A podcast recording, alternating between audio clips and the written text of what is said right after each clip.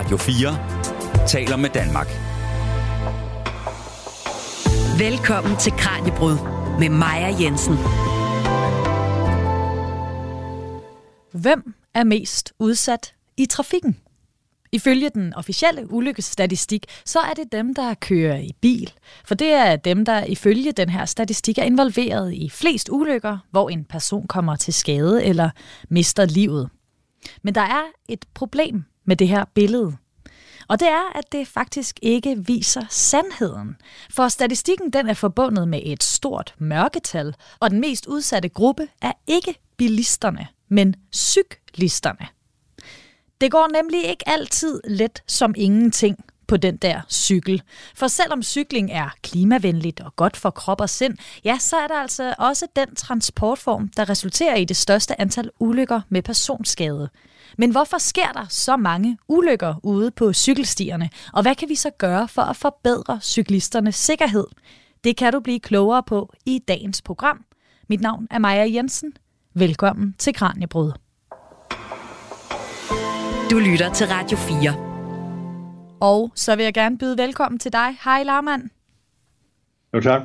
Hej er lektor ved Aalborg Universitet og forsker i trafiksikkerhed, og han skal altså gøre os meget klogere på, på de her hyppige ulykkesformer i trafikken, og så også, hvordan vi kan få færre af dem i fremtiden. Og hej, nu startede jeg jo med at sige, at der er et stort mørketal i Danmarks officielle ulykkesstatistik. Men hvis vi nu starter med at se på den, og glemmer mørketallet for en stund, hvilke trafikanter er det så, der, ud, der udgør den største andel i den? Nu sagde jeg bilister, men hvordan tegner billedet sig, når vi kigger på den officielle statistik? Jamen det er jo, som du siger, det er jo bilisterne, der, der står for de fleste skadekommende, men der er jo altså også mange uh, skadekommende cyklister i den officielle statistik. Det skal vi jo også holde os for øje. Ja. Men det, der er problemet med den, det er altså, at den, er, den dækker en meget lille del af de ulykker, der reelt sker. Ja, og, øh, og det, det fremgår også i den officielle ulykkesstatistik, at der i 2021 var 2.403 personskadeulykker i trafikken. Men der er et mørketal, og det har man vidst længe, men hvorfor er der et mørketal? Hvad, hvad består det af? Jamen, den officielle ulykkesstatistik, den er baseret på politiets indberetninger. Og det vil sige, det er kun de ulykker, der kommer til politiets kendskab, som bliver indberettet der. Øh, og så er problemet, at øh, hvis vi spørger danskerne, et repræsentativt del af danskerne, om deres trafikulykker, så får vi et helt andet billede. Det har vi gjort. Vi har fulgt øh, over 5.000 danskere igennem et år, og så har de rapporteret deres ulykker øh, hver måned. Og så øh, er det, vi så har gjort, det er, at vi har regnet det antal op til hele Danmarks befolkning. Og så får vi altså, at der sker ikke de der 3.000 kvæstede om året, men 85.000 kvæstede om året. Og det var jo noget af en klasse. Øh, og det er altså alle dem, der kommer til skade i trafikken. Hvad enten de er blevet rapporteret af politiet, eller de er på skadestuen, eller de kun er hos deres praktiserende læge. Ja, men, men hej, hvorfor er det et problem? Fordi hvis de de tager, til, de tager på skadesugen, eller de tager til deres egen praktiserende læge, så bliver der vel der bliver taget hånd om den på en eller anden måde. Så hvorfor er det her meget store mørketal så et problem? Jamen, det er jo et problem, når vi så skal finde ud af, hvad vi skal gøre ved ulykkerne, hvordan vi skal forebygge dem. For hvis vi ikke kender dem, så ved vi jo ikke, hvordan vi skal forebygge dem. Lad mig tage et eksempel. Vores undersøgelser viser, at der er cirka, og hold fast, 24.000 ene ulykker med cykler om året, hvor man kommer til skade. Det viser vores befolkningsundersøgelse. Hvis du spørger den officielle ulykkesstatistik baseret på politiets registreringer, så er der 80 ulykker. Og det er jo fordi, at når du vælter på cykel og kommer til skade, og der ikke er andre involveret, jamen så ringer du ikke efter politiet, så tager du jo på skadestuen, eller du tager hjem til, den, øh, til øh, øh, din praktiserende læge. Og så kan man så sige, jamen har politiet ikke kendskab til de, de meget alvorlige ulykker? Det kunne man jo godt forestille sig. Men nej, det viser sig faktisk, at rigtig mange af de her ulykker i mørketallet, de er også meget alvorlige jeg kunne godt tænke mig at fortælle om to ulykker, fordi ja. nogle gange så er de her store tal, det er svært at, at ligesom at få krop på dem. Men lad mig fortælle om Lotte, som kører en novemberdag på en vej i, på vej til arbejde i en provinsby i Danmark. Det er glat. Hun falder. Hun slår hovedet. Hun har cykelhjelm på. Hun rejser sig op, sunder sig lidt, tager på arbejde, bliver alligevel dårlig der omkring middagstid, tager hjem, tager til læge næste dag, som konstaterer en kraftig hjernerystelse hos Lotte. Lotte, øh, derefter er hun igen med langt forløb. Hun ender med at få 20% invaliditet og går ned på, Lotte er midt i 50'erne, går ned på, på øh, fire dage om ugen. Men det her, den her skade bliver ved med at følge hende og bliver værre og værre. Og 10 år efter, der får hun faktisk øh, tilkendt førtidspension. Øh, og det her bliver faktisk værre og værre hele tiden, så Lotte har fået et markant dårligere liv efter den her ulykke. Og den ulykke her er altså ikke rapporteret nogen steder. Så det vil sige, at den provinsby, der skulle have sendt, lavet salg på den vej den novemberdag, de ved det ikke. Men hvis vi havde registreret de her ulykker, jamen så øh, var kommunen blevet opmærksom på, at de skulle være bedre til at salte om, om vinteren. Lad mig tage et andet eksempel i samme boldgade. Pernille, hun øh, kører ned ad en ret stejl vej øh, en dag for 15 år siden. Så er der en parkeret bil. Den chaufføren lukker døren op. Pernille kører ind i en åbne dør og slår selvfølgelig ud over cyklen og, og får en øh, kraftig, kan man sige, påvirkningsskade af, af, øh, af, af skulderen øh, og måske også nakken. Men, men igen, hun sunder sig og kommer hjem, og der sker ikke rigtig noget, men så kommer hun jo så på hospitalet næste dag, og så konstaterer en kraftig skade. Øh, og, og den skade der, den forfølger Pernille den dag i dag, og efter mange, mange udredninger og læger og, og så videre, så videre, jamen så får Pernille for et par år siden tilkendt førtidspension. Så pointen med det her, det er, så kan man sige, hvad, hvad så kunne vi have forebygget den her skade her? Jamen, hvis nu jeg havde vidst, den var der, vi har vidst, der var mange af den slags, jamen så kunne det jo være, at der ikke skulle have været parkering tilladt på den strækning der. Det kunne jo være, at hvis Pernille havde haft lys på cyklen, at chaufføren havde set hende. Det kunne være, hvis hun var, havde båret en pangfarvet jakke, at han havde set hende. Og pointen er jo, at der er jo rigtig mange ting, man kan gøre her, men man gør jo ikke noget, hvis man ikke kender ulykkerne. Så det her, det handler om at forebygge ulykker. Ja, og det her reelle antal trafikulykker med personskader, det er altså meget højere end de officielle tal, og som vi hører, så er det altså cyklisterne, der er involveret i de fleste ulykker. Men hvorfor er det dem? Det ser vi nærmere på nu. Du lytter til Kranjebrud på Radio 4. Har I Larman jeres øh, estimering af antal personskader øh, efter trafikulykker i Danmark, det viste, at der er, som du sagde før, 24.000 eneulykker på cykel, øh, som har personskade per år. Altså, det er virkelig mange uheld på et år, men vi hører ikke særlig meget om de her eneulykker. Ved vi, hvad det er for solouheld, folk de har på deres cykel? Nu nævnte du før en, der faldt, fordi det var glat, og en, der kørte ind i en åbnet bildør. Det er jo to eksempler. Nu vil jeg sige, at den åbne bildør er så dybest set en flerpartsulykke. Det er selvfølgelig rigtigt. Men hvis vi alene ser på soloulykkerne, jamen så er det jo typisk noget med, at det er glat. Det er noget med, at der er huller. Det er noget med, at der er høje kantsten. Det er noget med, at vejbestyrerne kommer til at placere en signalmast sådan lidt for tæt på cykelstien. Det er noget med, at den, den sving, der er på cykelstien, den er lidt for skarp, så, så, så man, kom, man vælter. Øh, der er mange, mange ting i forhold til, øh, i forhold til infrastrukturen, så, så, som man kan ske. Men så er der jo også noget i forhold til selve cyklen, og selve den måde, vi bruger cyklen på. Altså, vi har jo for eksempel en regel om, at når man skal stoppe, man skal bremse, jamen så skal man række højre hånd i vejret. Og det er jo, det er jo dybest set tåbeligt. Fordi så bliver den jo ustabil, din kørsel bliver jo ustabil. Præcis det samme, når man skal svinge, så skal man også bruge armene. Igen, i den situation, hvor man skal svinge, jamen, så skal man jo koncentrere sig om at svinge og have begge uh, hænder på styret. Men, men, men det er jo sådan noget old fashion, det er noget gammeldags, noget fra, fra før der var moderne teknologi af forskellige arter. Det skal vi måske snakke om senere, hvad man så kunne, kunne gøre ved det. Ja. Men, men der er rigtig mange ting her. Bremserne, bremserne på en cykel, ikke? Øh, de, de, er jo, de er jo for at sige det meget elendige. Når man tænker på, hvordan de i vores biler har fået vi har fået ABS-bremser, og vi har fået elektronisk stabiliseringssystemer på bilerne. Altså, vi har jo rigtig udviklet på bilerne. Det har vi ikke på cyklen. Men hej, når vi hører om de her, dels de her høje tal, og så du siger nogle grundelementer af det at cykle, for eksempel at man har hænderne i vejret til, til siden og op, når man skal bremse og svinge, at, at det faktisk er sådan lidt farlige elementer, eller det er det, der kan være med til at, at, at resultere i ulykker, fordi man skal koncentrere sig om flere ting på samme tid. Kan man sige, at det ligefrem er farligt at køre på cykel så?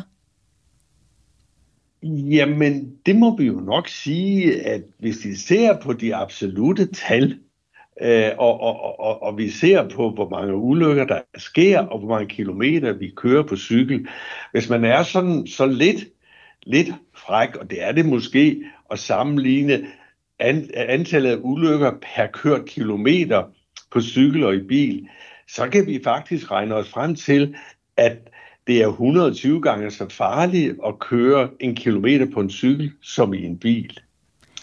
Øh, så, så ja, vi kører jo også mange flere kilometer i bil, det skal vi jo så lige huske, ikke? Øh, men, men, men, men, øh, men ja, det, det, der er en høj risiko. Så der er god grund til at kigge på, hvordan kan vi så gøre det bedre.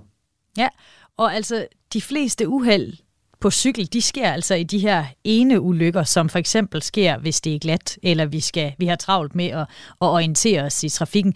Men som jeg sagde før, så hører vi ikke særlig meget om dem. Altså det er ikke noget, der bliver fokuseret på i forhold til, til sikkerhedskampagner, for eksempel. Men hvad er det, der bliver fokuseret på, når vi taler cykelsikkerhed, hej? Jamen, når vi taler cykelsikkerhed, så har vi haft en tendens til at netop kun at kigge på politiets tal, og, og, og der kan der ofte være sådan nogle ulykker, som jeg tror, de fleste har hørt om højresvingsulykkerne.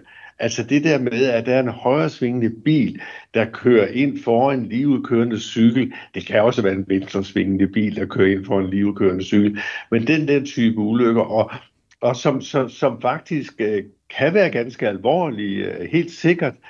Men problemet er, at når vi ser på det talmæssigt i forhold til alle de andre ulykker, så er der faktisk ikke så mange af dem. Men de har fået en utrolig fokus, og, og, og, og problemet er, at vi har jo faktisk vist det i rigtig mange år.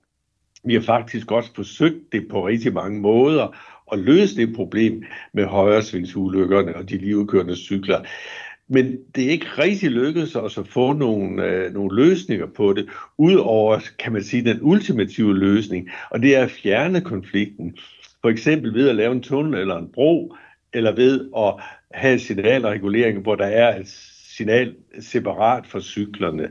Øh, og, og, og, og der må vi nok erkende, at, øh, at vi, kan ikke, vi kan ikke lave det der, den der situation sikker, øh, hvor, hvor øh, de højre svingende biler, de skal interagere med, øh, med de ligeudkørende cykler. Hvad er nogle af de ting, man har forsøgt at gøre, som så måske ikke har virket helt, som man havde håbet? Jamen et eksempel, det kan jo være de såkaldte blå cykelfelter, som jeg tror, de fleste kender. Øh, og, og umiddelbart skulle man jo tænke, ah, men det er da sørger da en god idé, fordi så bliver bilisten da opmærksom på det ligeudkørende cykel. Men så bliver vi jo nødt til at stille os selv det efterfølgende spørgsmål. Jamen sker de her ulykker, fordi bilisten ikke er opmærksom på den ligeudkørende cykel, eller sker den, fordi bilisten ikke rigtig har mulighed for at erkende, at der er en cykel? Øh, og det er nok det sidste, der, der er det dominerende. Jeg tror, de fleste bilister tænker lidt en gang imellem, når de kører på en mørk øh, øh, byvej, hvor, hvor der måske ovenikøbet regner, og der er måske også er nogle biler bag med lys på, der der, der blænder i, i sidespejlet, og man forsøger at orientere sig bagud i sidespejlet og over skulderen, men man har jo ingen chance for at se, hvad, hvad der sker der. Så, så man bliver jo nødt til at liste frem og, og tro på, at, at, at der ikke er en cykel i den blinde vinkel. Øh, så, så, øh, så, så det er jo bilistens situation. Hvis vi så ser på cyklistens situation, hvad er det for et signal, vi sender til cyklisten med et blåt cykelfelt? Jamen det er jo sådan set det signal, at her har du ret. Det er din bane. Og her skal du ikke passe på. Her skal du ikke være agtpågivet. Øh, og det er jo dybest set et forkert signal, fordi det er jo alligevel cyklisten, det går ud over. Og det er jo nok de færreste cyklister, der gerne vil have en gravsten, hvorpå der står, han havde ret. Altså er det så, fordi der skal være mindre fokus på de her højresvingsulykker? Fordi der er jo, der er jo mange af de her ene ulykker øh, med, med cykler, som du fortalte om før. Og det kan også resultere i, i langvarige men, øh, som kan ende med, at man for eksempel bliver før pensioneret. Men de her højresvingsulykker, hvis lastbilen den svinger til højre og ikke har set cyklisten, der fortsætter livet, ja, så kan det ende meget tragisk med en, der mister livet i trafikken. Bør vi ikke gøre mere her for at undgå, at det ikke sker? For det er jo det ultimative tab i trafikken. Nej, det mener jeg faktisk ikke. Øh, for det første, så har vi dybest set ikke øh, øh, nogle metoder ud over de, de, altså de, de ultimative, at du fjerner konflikten. Øh, og, og, og, og så kan du gøre det, men det er mildt sagt ikke populært. Det er jo at, øh, at blande bilerne og cyklerne, før du kommer hen til krydset. Altså det, vi kalder, teknisk set kalder en afkortet cykelsti. Altså, før du kommer hen til stopstregen, så afkorter du cykelstien, så stopper du cykelstien og laver en kombineret højresvingsbane og cykelsti. Så, af, så, så ændrer du den der øh, krydsningskonflikt, der er hen i krydset, til en flettekonflikt før krydset. Og det har faktisk vist sig at have en rigtig god effekt på, på, på, på sikkerheden, men øh, så er der faktisk færre ulykker. Men til gengæld, så, så siger cyklisterne jo, at, at så er de utrygge. Mm. Og det er måske også derfor, at de så ikke kommer til skade i den situation. Men under alle omstændigheder bliver de opmærksomme, og det er jo det, der er så vigtigt i trafikken. Også at cyklisterne er opmærksomme. Og det er jo måske der, det blå cykelfelt måske sender et forkert signal. Du behøver ikke at være opmærksom. Så vi skal passe på, at vi ikke bliver alt for trygge, når vi bevæger os rundt i trafikken faktisk? Jamen, du skal nok være tryg, men du skal, du skal være opmærksom. Er det ikke lidt det samme med cykelstier? Jo, det er fuldstændig rigtigt. Det er præcis det samme. Og derfor er cykelstierne jo rigtig gode, for eksempel ude på landet, hvor der ikke er nogen krydsende konflikter. Men man kan sige, hvis du kører på en byvej, hvor der hele tiden er overkørsler ind på ejendommen, der er små sideveje, der er hele tiden sandsynlighed for, at der kommer en cykel eller en bilist på tværs af din bane. Og når du så giver cyklerne deres eget areal, jamen så er det, at, at de bliver for lidt opmærksomme på de andre trafikanter. Øh, så, så derfor er cykelstier langs med trafikvejene i vores byer, det er faktisk ikke en særlig god idé. Øh, og vi har jo lavet masser af studier på det her, og de viser samstemmende, at hvis du er heldig, så får du ikke flere ulykker, men normalt får du flere ulykker, når du laver en cykelsti langs med en trafikvej. Men vi gør det fordi vi gerne vil have folk til at cykle. Øh, og, og det er jo et dilemma. Ja, så dilemmaet mellem, at vi godt vil have flere cykler ind i byerne, men vi vil også gerne have, at de er sikre, når de så cykler der. Lige præcis. Men måske skal vi tænke på en helt anden måde. Måske skal vi sørge for, at cyklerne får en høj prioritet på nogle cykelmotorveje, kunne man kalde det, på nogle supercykelstier, kalder man det ved Københavnsområdet, øh, hvor de virkelig får prioritet, og hvor andre så må vige, ligesom alle må vige for bilerne på motorvejene.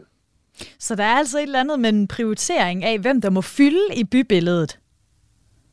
Ja, og spørgsmålet er, om vi ikke bliver nødt... Altså, vi har jo det næste problem, vi har i dag, det er jo, at en cykel er ikke en cykel. Det har vi ikke snakket om.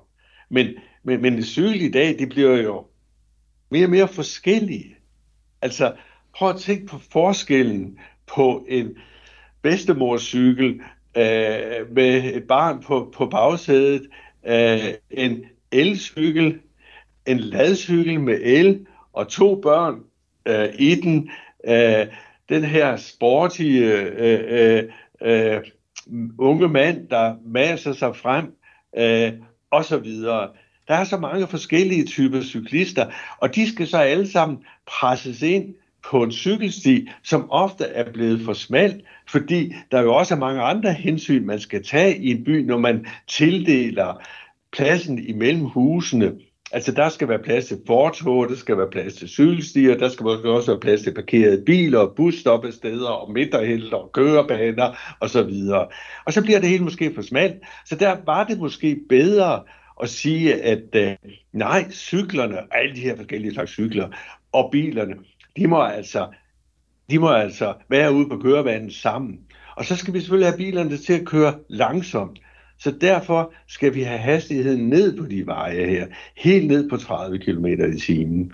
Øh, det er jo også det, der i øjeblikket kører nogle forsøg med rundt omkring i kommunerne. Ja, og øh, lidt senere i programmet, der skal vi også tale om, hvordan det så kan blive mere sikkert for os cyklister at, øh, at bevæge os rundt på vores tohjulet. Men nu skal det altså handle om et tilbageblik i historien, når vi skal se på, hvornår vi egentlig begyndte at cykle i Danmark. Radio 4 taler med Danmark. I dagens Kranjebrud, der handler det om cykling, om cykelulykker og om cykelsikkerhed. Og vi har også tidligere talt om cykling i Kranjebrud, og det skal vi høre et klip fra nu. Det er tidligere Kranjevært, eh, Kranjebrudsvært Ditte Maj Gregersen, der har besøg af trafikkonsulent Pablo Celis. Og i det klip, vi skal høre nu, der fortæller han, hvordan cyklen og cykling kom til Danmark. Det er jo en lang historie, øh, og cyklen er jo faktisk opfundet helt tilbage i øh, starten af 1800-tallet øh, i Tyskland, men kom jo for alvor til Danmark i slutningen af 1800-tallet, altså hvor man jo fik det, som vi i dag kalder en almindelig øh, cykel. Det hed jo sådan en safety bike dengang. Men altså Danmark har jo været øh, heldig. Altså vi, vi har en bystruktur øh, og en geografi, hvor stort set alt er fladt øh, og korte afstande. Og det betød jo så også bare, at øh, cyklen var det oplagte transportmiddel. Øh, det var ikke et fattigt, fattigdomstransportmiddel, ligesom man kender det fra Kina, altså hvor det var kun de fattige, der cyklede rundt på, på cykel. Altså i Danmark var det jo også øh, noget, som var forbundet med prestige at kunne cykle. Og i Aarhus, der har vi øh, den første cykelsti, den er faktisk helt tilbage fra 1894, øh, og det er Rigskovstien, som løber ned langs vandet. 1894, og den er virkelig, virkelig gammel. Kun overgået af den første cykelsti i København, som blev bygget i 1892. Men øh, den blev bygget øh, på privat initiativ af Aarhus Bicycle klub hed det jo så dengang. Altså, det var jo en gruppe rigmænd, som øh, boede i Aarhus, og så havde nogle ambitioner om at komme ud og cykle på øh, cykelbane. Og så byggede de en cykelbane ude ved øh, Vejleby Fed. Og for at kunne komme derud, så byggede de så cykelstien langs øh, jernbanen ved øh, Rigskov. Og den anlagde de faktisk selv øh, og bekostede. Det kostede 2.000 kroner. Og forretningsmodellen for dem var jo, at man så skulle melde sig ind i klubben for at rode med bruge den. Og ellers så var der to, øh, hvad hedder det, betalingsautomater. Ikke automater, men huse, hvor man så skulle betale øh, et beløb for at bruge cykelstien. Ja. Altså, og den her cykelsti, den førte hen til en cykelbane? Ja.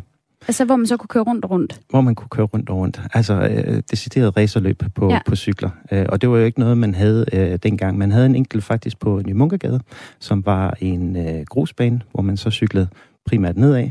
Øh, men, men det her, det var faktisk den første med cementunderlag, øh, underlag, og som jo egentlig dannet øh, grobunden for, for det, vi kender i dag. Altså øh, hele cykelstienettet i, i Aarhus. Altså den, den tankegang. Og, den, og selve cykelstien blev overtaget af Aarhus Kommune i 1934, da man så åbnede den permanente badestranden. Og ja. det er så den, man kender fra i dag. Altså, og et af øh, cykelstier og sådan noget, altså, hvordan, hvordan har vi så fået skabt denne her fortælling om, om Danmark som, som cykelnation? Ja, altså det, det hang jo sammen med, at øh, i mellemkrigstiden, der øh, vandt cyklen jo faktisk rigtig stort indpas, altså i 20'erne og i 30'erne, fordi at det var et transportmiddel, alle havde råd til, øh, og som sagt, der blev jo ikke sat ned på folk, øh, om, de, havde, om de cyklede, og det var bare det nemme transportmiddel. Altså folk, de boede jo tæt på byerne, og kunne komme hurtigt øh, til og fra arbejde på de her cykler, og det var jo både mænd og, og kvinder, som, som cyklede øh, på det her tidspunkt og det, som også har været øh, hvad hedder det, lidt unikt for, for øh, Danmark, det er, at vi har haft en del øh, gode cykelsmede, som jo har været en, øh, en forudsætning for, at man kan have en cykelkultur, det er, at man har folk, som øh, også reparerer cykler, og som også laver cykler. Og jeg tror, at Danmark har en stor del af æren for alle de typer af ladcykler, man ser i dag. Øh, og det, det, det spænder faktisk helt tilbage fra øh, i starten af 20'erne. Så vi har haft en kultur øh, og, et, øh, og et netværk omkring det at cykle, som har muliggjort, at man har kunnet cykle videre, altså helt tilbage fra, fra den gang, hvor cyklen blev introduceret i, i slutningen af, af 1800-tallet. Så det er noget, der er blevet altså, lagt ind, vi har cykelstier, øh, altså så, så man har fra, øh, altså tilbage fra, øh, fra 20'erne og 30'erne, altså man har ligesom fået tænkt tænkt cyklen ind som et transportmiddel, der også ja. Ja, altså, ja, og det kom jo ikke af sig selv selvfølgelig. Altså, øh, og den største del af æren, den tilfælder jo Cyklistforbundet, som blev øh, dannet i 1905 jo. Altså primært med motivationen omkring, at der efterhånden var begyndt at komme for mange cykler øh, på, på stierne, som de skulle dele med de ridende. Øh, og udover at de skulle dele pladsen med de her ridende, så havde de jo problemer med, at de punkterede på grund af sømmene fra hesteskoene.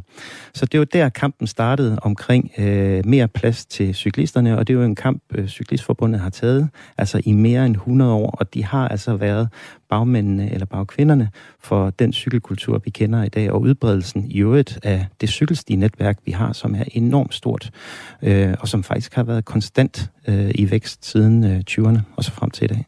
Og øh, det var altså et klip fra Kranjebrudsprogrammet Cyklisme, der blev sendt 27. august 2001. Du kan finde det i Radio 4's app eller der, hvor du lytter til podcasts. Hej Larman, nu tilbage til dig. Det her, det var jo starten på fortællingen om Danmark som cykelnation, og det er noget, vi godt kan lide at fortælle om os selv, også sådan i branding-øje med. Vi vil gerne være dem, der cykler. Og når vi taler om cykling i dag, så bliver der generelt fortalt mange solstrålehistorier om færre biler på vejene, mindre CO2-udledning, mere motion og frisk luft, bedre mentalt og fysisk helbred osv. Men når vi nu har talt om, hvor mange ulykker, der så rent faktisk sker på den der cykel, når vi øh, fiser rundt, er vi så lidt for naive i vores øh, cykelfortælling? Nej, det synes jeg, det synes jeg ikke, vi er. Jeg synes, det er fint, at vi har den her cykelfortælling. Øh, det hører så også med til cykelfortællingen, at grunden til, at vi har haft de mange cykler, det er jo, at bilerne har været meget dyre i Danmark. Øh, og, men siden 2007, der har vi faktisk været i gang med at sætte den fordel over styr, for bilerne er blevet meget billigere siden 2007. Og det er jo en af cyklismens problemer i dag, at, øh, at, at den er presset af billige biler. Men, men jeg synes ikke, at, at vi er, jeg synes ikke, vi er naive i den, i den fortælling der. Det vil, det, vil, det vil jeg ikke sige. Og, og når vi taler om cyklen i forhold til de miljømål, vi har, de klimamål, vi har og sådan noget, så skal vi jo holde fast i, at cyklen er et vigtigt element i vores mobilitet på de korte ture. Men vi skal bare ikke i, i den dagsorden glemme, at der også er store sikkerhedsproblemer med cyklerne. Og dem må vi så adressere, og det er måske det, det kniber lidt med i dagens Danmark. Ja, hvorfor, hvorfor er det, det kniber med at adressere de her, øh, de her faldgrupper ved cyklen eller bagsiden af medaljen? Altså, kan du møde nogen modstand, når du siger, hov forresten, har I tænkt på den her, det ja. her sikkerhedsproblem? Ja, helt sikkert, helt sikkert. Altså, nu talte Pablo jo der i det tidligere indlæg om Cyklistforbundet, og, og, og, og det er jo helt klart, at uh, hver gang jeg øh, begynder at, at sige, at det godt faktisk kan være farligt at cykle, så, uh, så, så, så, så bliver jeg jo det er sådan næsten udskammet af, af Cyklistforbundet. Det må man ikke sige. Og det synes jeg, der er en helt forkert tilgang til det. Jeg synes, at vi bliver nødt til at adressere de sikkerhedsudfordringer, der er, og så må vi jo så prøve at snakke med cyklisterne om, jamen, hvordan kan I så cykle sikkert? Men er risikoen ikke, at vi bliver bange for at cykle, og så helt fravælger den, og så hopper vi på bussen eller tager bilen i stedet for? Jamen, det er jo altid sådan, at det er der jo altid nogen, der vil gøre. Det er klart. Men det må jo så være omkostningen for at få det her ulykkestal med cyklerne ned. Og jeg tror ikke på, at det er et stort tal. Men, men, men, men det kan man jo så have forskellige holdninger til. Men at der er de der mange, mange tusind kvæstede hvert år på cykel, det må man forholde sig til. Ja, men hvad tænker du om det her, Hej, med, hvis jeg siger, jeg, jeg bliver faktisk lidt bange for at cykle nu. Jeg skal ned ad en stejl bakke, når jeg skal hjem fra arbejde. Det er vel heller ikke den mentalitet, jeg skal have i trafikken. Altså hvis du omsætter den frygt eller, eller den der til overvågenhed, øh, til opmærksomhed. Hvis du omsætter det til at lade være med at stoppe de der AirPods i, i, i ørerne. Ej, der og er jeg skyldig der, hej. Ja, det er jo lige det. Uh, hvis du prøver at vende dig til at læse trafikken, øh, og følge med i, hvad der foregår omkring dig. Altså det der med at cykle, når du kører cykel, øh, det tror jeg faktisk, at det er det aller, aller vigtigste øh, når, vi, når vi taler om, og at, hvad den enkelte kan, kan gøre øh, for at, at sikre sig, når man cykler. Ja, altså der er jo også jeg forestiller mig, at det her det bliver en større, et større større problem, eller en større større udfordring i fremtiden, fordi i, I mange af de større byer er der jo et ønske om, at ja, folk skal cykle noget mere. Altså, de skal droppe bilen, for der er ikke plads til alle de biler inde i byen. Men man kan godt lige klemme en cykel ind op af, op af lejlighedsmuren, eller hvad det kunne være. Men får vi så ikke bare større udfordringer med de her uheld, jo flere cykler vi får? Jo, jo, altså, vi, og det er jo derfor, vi må i gang med at, at, at arbejde med, hvordan får vi færre ulykker. Og det gør vi altså ikke kun ved at arbejde med de der højresvingsulykker øh, og ligeudkørende, øh, øh, lige, altså højresvingende biler og ligeudkørende cykler. Det er en meget bred vifte, vi må i gang med. Ja, og hvordan vi så tager hul på det her problem med at, øh, at få, få sænket øh, ene ulykkerne særligt, men øh, ulykkerne på cykel, det skal vi altså tale mere om nu. Du lytter til Kranjebrud på Radio 4. Og det er altså sidste del af dagens program, vi er startet på nu. Jeg har besøg af lektor Hej Larmand fra Aalborg Universitet. Han forsker i trafiksikkerhed. Og hej, vi har talt rigtig meget om ulykker. Nu vil jeg gerne tale om, hvordan vi så kan få nogle færre af dem. Altså, hvordan kan vi opnå det? Som jeg ser det, så er der tre ting. Det handler dels om cyklen, om cyklisten, og så om omgivelserne. Hvad, hvad tænker du om det? Jamen, jeg synes, det er en rigtig god måde at, at beskrive det på, og det er lige præcis den måde, vi altid tager udgangspunkt i, når, når vi trafiksikkerhedsforskere, vi arbejder. Men lad os tage cyklen først. Ja.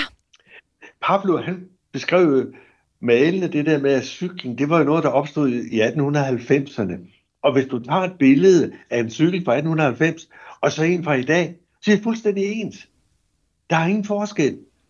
Prøv at tage et billede af en bil, og så øh, fra den gang så til i dag. Jamen, der har været en teknologisk udvikling, som er helt fantastisk.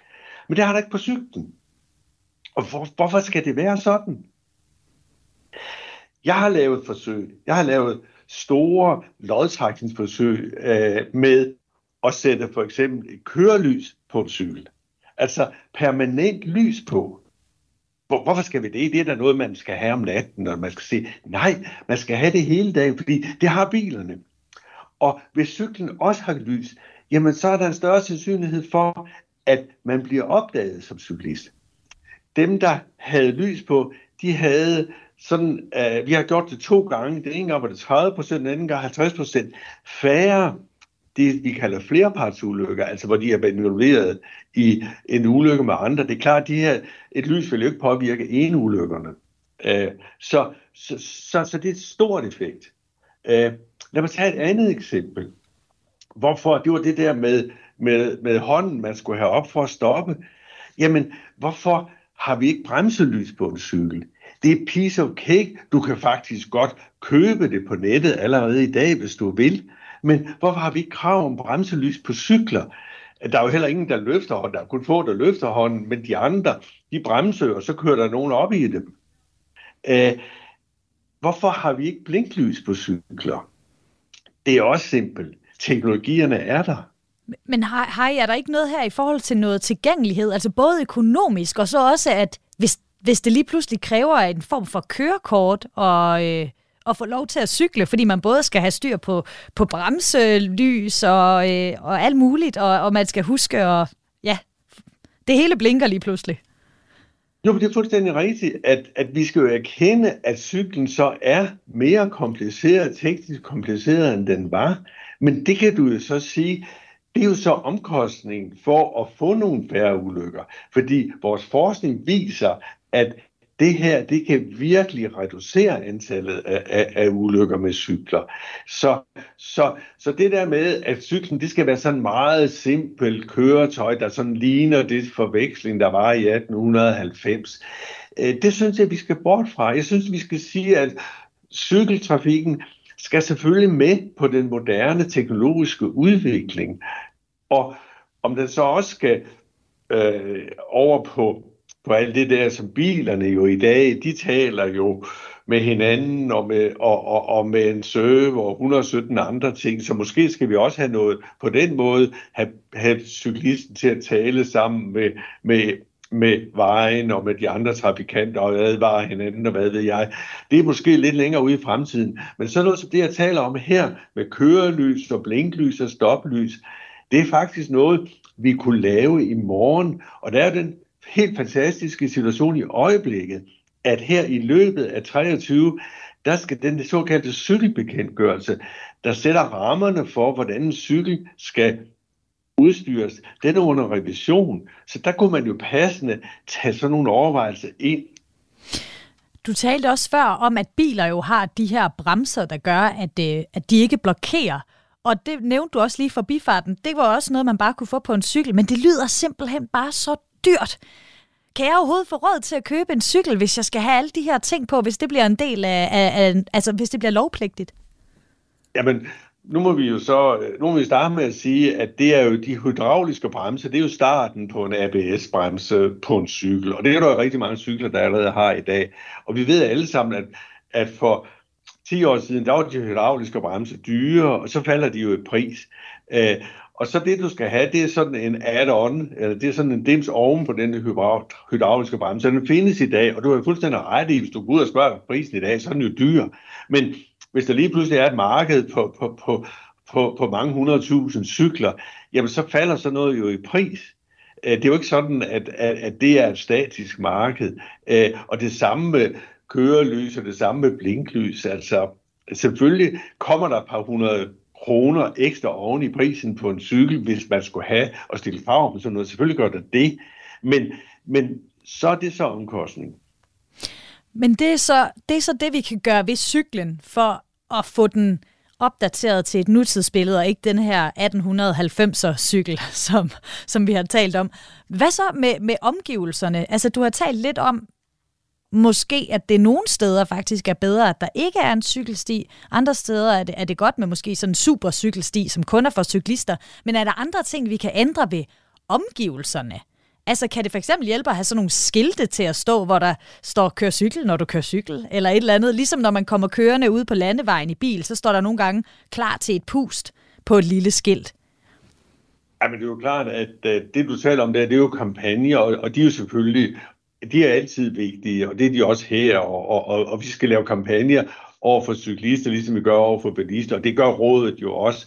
Men vi ved også fra forskningen, at kampagner kan ikke løse alle problemer. Kampagner er et hjælpemiddel til at nå de mål. Øh, men, øh, men jeg tænker lidt på med, med omgivelserne. Jeg tænker lidt på, øh, der er jo den der med, øh, med, du sagde, at de blev dyre, de her cykler. Og det er jo sådan set også rigtigt, at de gør. Jeg har også talt en del med de her cykelfabrikanter, og dem, der kender alt til det her marked, og de siger jo netop det der med, at villigheden, øh, den er meget lille til de her ting. Øh, og en af grundene til, at villigheden er meget lille, det er faktisk teori. Så, øh, fordi folk er bange for at få stjålet deres cykel. Øh, så en, et indsatsområde, tror jeg, til at kunne få en bedre accept af og et ønske om at give mere til en, øh, en højere pris for en cykel, det er, at man er sikker på, at den er der, når man kommer tilbage. Øh, så måske skulle man, i stedet for at bygge flere cykelstier, bygge øh, trafiksikre cykelparkerings, øh, undskyld, teorisikre øh, cykelparkeringspladser. Øh, det er jeg sikker på, at der er rigtig mange cyklister, der vil sætte stor pris på, og i øvrigt også måske ovenikøbet for nogen til at cykle, fordi de så er sikre på, at cyklen er der, når de kommer tilbage. Så altså noget, altså sådan noget overvåget, eller hvad, hvad vil en tyverisikret cykelparkering sige overhovedet? ja, men der er forskellige løsninger mm. på det. Ikke? Øh, der er sådan nogle systemer, hvor du sætter en meget, meget kraftig bøjle omkring din cykel, og der, kan jo, og der er systemer, hvor det er rum, du sætter den ind i, altså buer, du sætter den yes. ind i. Der, der er på markedet forskellige, det er ikke lige mit speciale, men der er på markedet forskellige Okay, øh, der, er nogle, der er nogle ting, man kunne gå ud og indkøbe. Der og er stille. nogle ting, ja. man kan gå ud og købe. Jeg er helt sikker på, at markedet de sagtens kan levere, kan levere det her, hvis man spørger dem om det. Og har, og har pengene klar. Ja, lige præcis den, den sidste ting, der så er at se nærmere på, det er jo så selve cyklisten. Og hej, du har ja. fortalt, at vi selvfølgelig skal være mere opmærksomme i, i trafikken. Ja. Vi skal lade de der øh, øh, høretelefoner øh, ligge i lommen ja. og holde øjnene på vejen osv. Hvad med sådan noget som beklædning? Altså, der er selvfølgelig den der hjelm, vi putter på hovedet. Hvorfor, hvorfor skal vi egentlig ikke have den på, når vi cykler? Jamen, hvis vi tager hjelmen først. Jeg ved godt, det er kontroversielt. Men det er efter alle, alle, alle internationale undersøgelser, de viser altså, at antallet af hovedskader, det kan altså reduceres kraftigt, hvis folk tager det hjælp på. Og vi ser allerede nu, at kurven over antallet, der bruger hjelm, er jo steget kraftigt. Og hvis du sammenligner med, hvis du sammenligner med sikkerhedsselen, da det blev tvunget for bilister, der var der også meget hy uh, øh, blandt en gruppe, at det var noget værre noget med den her sikkerhedssele. Men så kom den jo, og i løbet af kort tid, så var folk jo bare vant til, at når man skulle køre bil, så skulle man have en sikkerhedssele på. Og sådan ville det jo også gå med cykelhjelmen. Selvfølgelig ville der være skrig og skrål.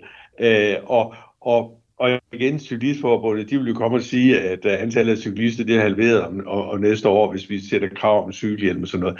Men igen, når vi ser på antallet af hovedskader, så er det ikke rimeligt, at vi som samfund accepterer det, når vi har et middel, der kan forhindre mange af det. Jamen, hvorfor er den cykelhjelm ikke et krav endnu?